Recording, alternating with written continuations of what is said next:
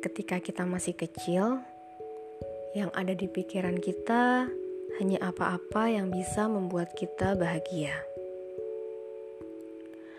Orang-orang di sekitar kita, seperti orang tua dan saudara, juga selalu berusaha untuk membuat kita tertawa, mengajak kita bermain, menjadikan kita pusat perhatian, apalagi saat kita menangis. Orang tua akan mencari cara agar kita berhenti menangis. Tetapi ketika tumbuh dewasa, kita diminta beradaptasi dengan situasi-situasi baru. Situasi di mana kita harus menyelesaikan masalah kita sendiri. Situasi di mana kita harus berhubungan dengan orang lain untuk sebuah kepentingan tertentu situasi di mana kita harus menomorduakan ego dan tetap melakukan hal yang mungkin tidak terlalu kita sukai. Semakin dewasa, kita menyadari bahwa hidup tidak hanya tentang kebahagiaan.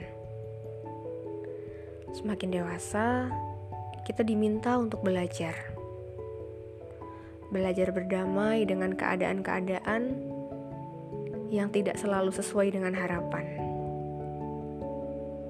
Semakin dewasa, kita diminta untuk belajar menerima. Kebahagiaan hanyalah satu dari sekian banyak emosi yang bisa dirasakan manusia. Emosi manusia muncul ketika menyikapi berbagai hal yang terjadi. Sedangkan sesuatu hal dapat terjadi karena sebuah ketetapan atau takdir yang memang mengharuskan hal tersebut terjadi. Sesuai dengan kehendak Tuhan, pemilik skenario dalam hidup kita.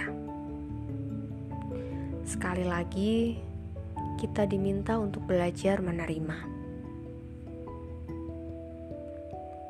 Lalu, jika semua hal sudah ditetapkan, apa yang harus kita upayakan? Jawabannya seperti kalimat yang sering kita dengar. Do your best and let God do the rest. Karena pada kenyataannya tidak ada manusia yang hidupnya selalu bahagia bahagia dan sedih selalu bersisian. Keduanya selalu datang di saat yang tepat, meskipun tidak selalu pada saat kita siap.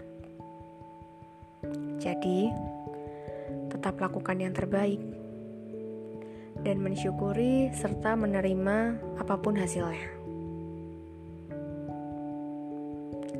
Sebuah resep kehidupan mengupayakan harapan dan tujuan, menerima semua ketetapan. thank you